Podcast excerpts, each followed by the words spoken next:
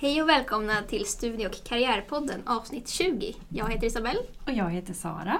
Och vi har en gäst idag Isabelle som är Liselott Mm. Dominicus. Jajamän. Välkommen hit! Tack så mycket! Ja, och du är studievägledare för eh, ett civilingenjörsprogram i teknisk fysik. Jajamän, har varit det sedan 2011 nu. Ja, Så det har varit ett tag och det har varit jättekul Mm. under tiden och jag ser fram emot att jobba vidare med det. ja men Mm. hur kom det sig att du började jobba som eh, studievägledare? Ja, det, det är som de flesta in på ett bananskal. Ehm, Min bakgrund är faktiskt en magister i fysik. Eh, Och då är det den klassiska fysiken med turbulens i eh, atmosfären, så lite väder kan vi säga. Eh, och sen så vart jag intresserad av beräkning och programmering. Eh, Så då skulle jag bli doktorand där. Eh, vart det inte så utan jag började undervisa heltid i programmering och beräkningsvetenskap på IT-institutionen. Och då vart jag jättenyfiken på utbildning. Tyckte ju det där var spännande att- lära sig om, om studenters lärande och hur sjutton jag skulle göra i klassrummet. Så då vart jag doktorand i fysikens didaktik och har pluggat in hela det konceptet med den typen av forskning och, och hur vi fungerar bättre i lärande.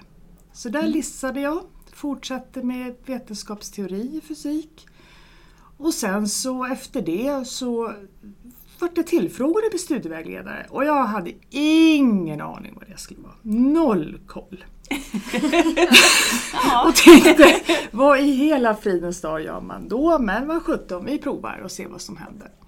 Så jag började lite försiktigt med eh, att vara studievägledare för internationella studenter i beräkning och jag tyckte det där var spännande. Och så dök det upp ett jobb här på enheten. Och då vart jag studievägledare för bland annat teknisk fysik då. Och sen så även maskin. Och fortsatte med de internationella på IT-institutionen, så då vart det alla där. Just det. Så du har haft ett tema här ser man. Vi Ja. jobbar med internationella studenter Ja. väldigt mycket. Och, eh, men nu teknisk fysik har varit också... Ja, ett, ett spår. Och Mm. jag känner, jag är inte ingenjör själv, men jag är intresserad utav frågorna och fysik och beräkning och hur man pluggar och kan tänka framtid är ju grejen för mig. Att träffa studenter och höra vad de vill eh, och försöka snida i ordning det så gott som det bara går så det blir lyckat och kul för dem. Mm. Det är fokus. Kul för studenten, bra för studenten, lösa problem eh, om det finns några. Eh, eller bara klura tillsammans med studier Mm. Och framtid. Ja, så du jobbar både på institution Mm. och här på enheten. Mm, det gör jag, så det är 50-50 eh, som jag jobbar då. Ehm, och ja, det är ju en utmaning som det alltid är med delade tjänster. Men ehm, på det viset håller jag mig verkligen ajour eh, på vad som händer, eh, hur eh, marknaden förändras, vilken typ av utbildning man behöver. Och sen så mixen mellan internationella och svenska studenter är väldigt spännande. Eh, Man kommer in med bok, olika bakgrunder och då kan jag faktiskt förstå svenska studenters olika bakgrunder bättre Mm. och möta dem eh, där de är och deras drömmar. Eh, Och det är jättekul. Mm. Det är riktigt kul. Men du är studievägledare för ett av de största och äldsta programmen Mm. här på Mm. Teknatfakulteten, Mm, mm, Uppsala universitet. mm. Teknisk fysik, Mm. eh, som många skulle säga är ett flaggskepp. Ja, just för att den är gammal. Teknisk fysik är i hela Sverige det gamla stora eh, Ingenjörsprogram. ingenjörsprogrammet och tillsammans med maskin då naturligtvis. Det är ju också en stor traditionell utbildning. Ehm, och eh, elektronik finns ju också sedan gammalt. Mm. Ehm, Så det är jättekul men att se utvecklingen i programmet är ju väldigt spännande. Det är ju någonting annat idag än vad det var när det startade, vad var det någon gång på Mm. 68 eller 70-talet, någonting sånt. Ehm, och utbildningen har ju förlängts många gånger, idag är det ju fem år.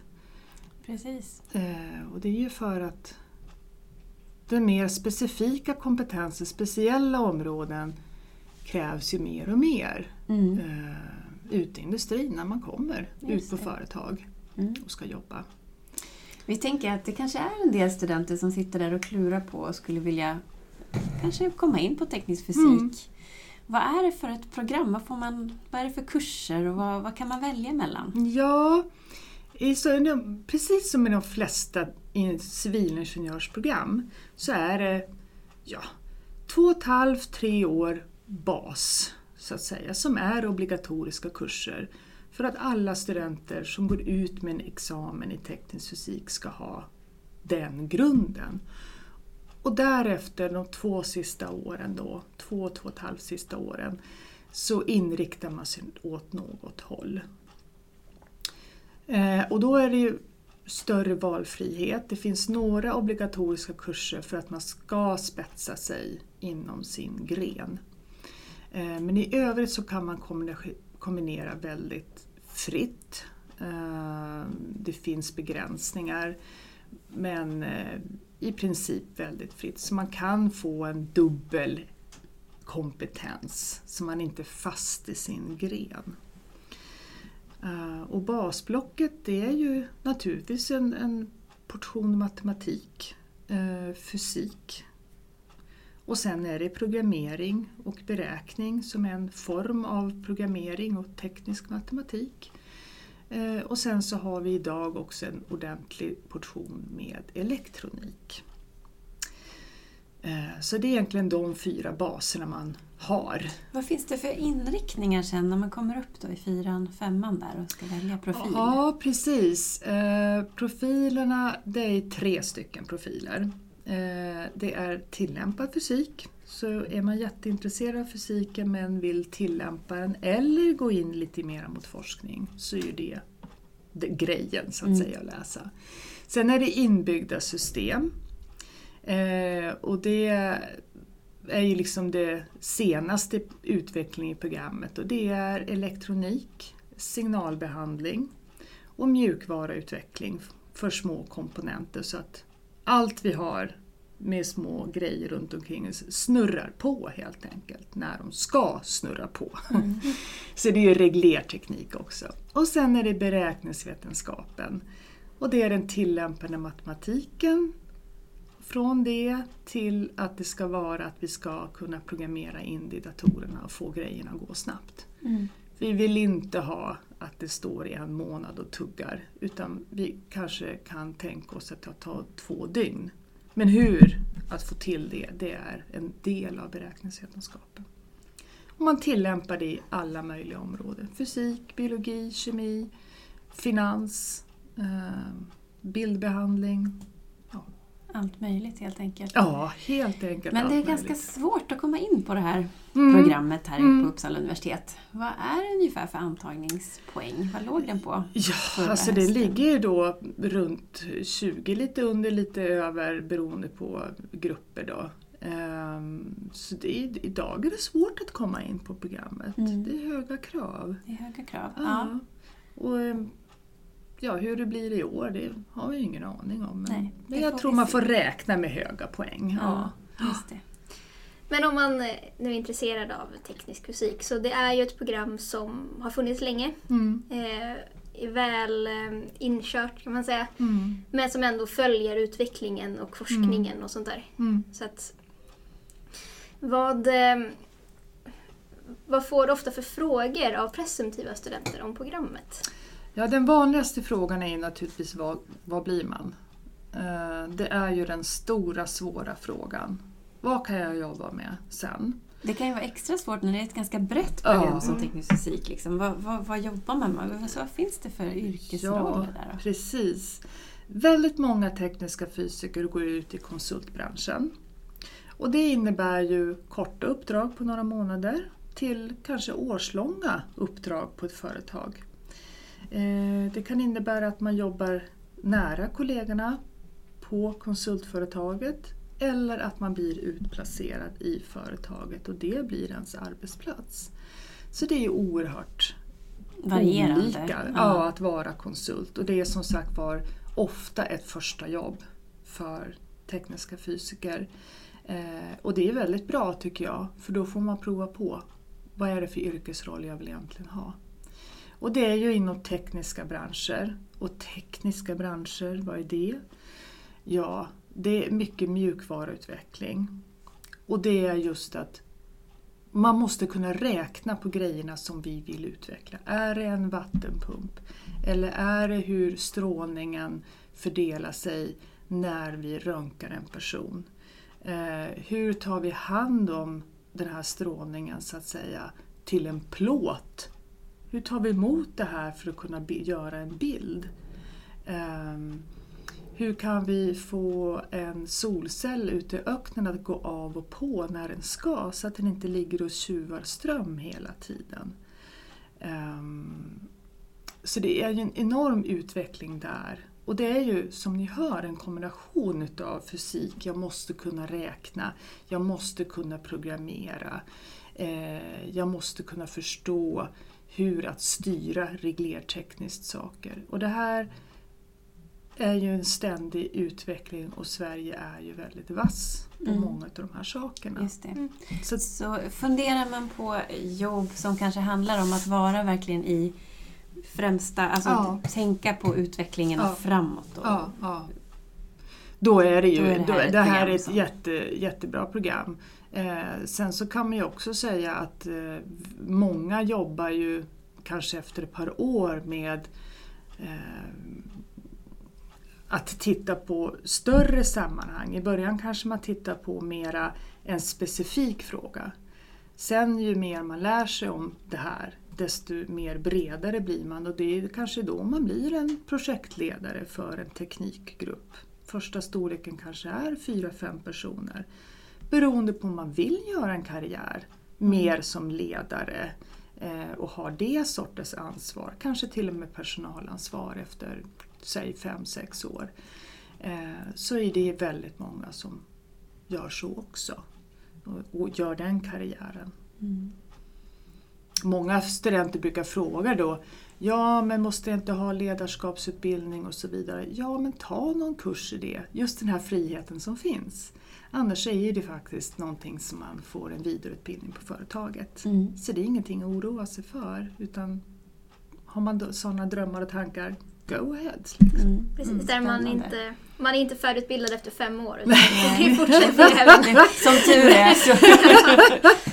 ja. det fortsätter även efter. Det, och det, just det där, det är väldigt många som frågar just det. Blir jag chef efter den här utbildningen? Ja, det kan det ju bli. Men, ja, Inte direkt jag, kanske. Nej, inte direkt. Och jag brukar skoja med dem och säga så här. Ja, så jag, jag skulle inte vilja ha dig som chef dagen efter du har tagit examen. Jag tror det skulle bli en katastrof.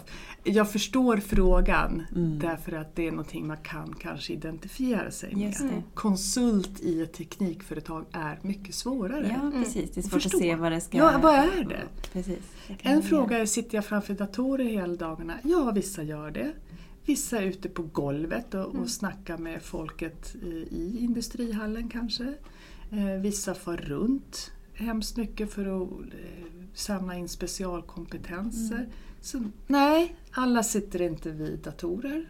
Eh, och alla behöver inte resa runt som galningar. Nej, Nej. det varierar. Ja, det varierar. Men jag tänker att eftersom teknisk fysik är ett ganska stort program, det finns ju många studenter engagerade och Mm. det finns ju en F-sektionsförening. Hur- absolut. Och ni, du samarbetar med... Jag samarbetar med dem Mm. och det, det handlar ju om olika saker. Dels är det om karriär naturligtvis.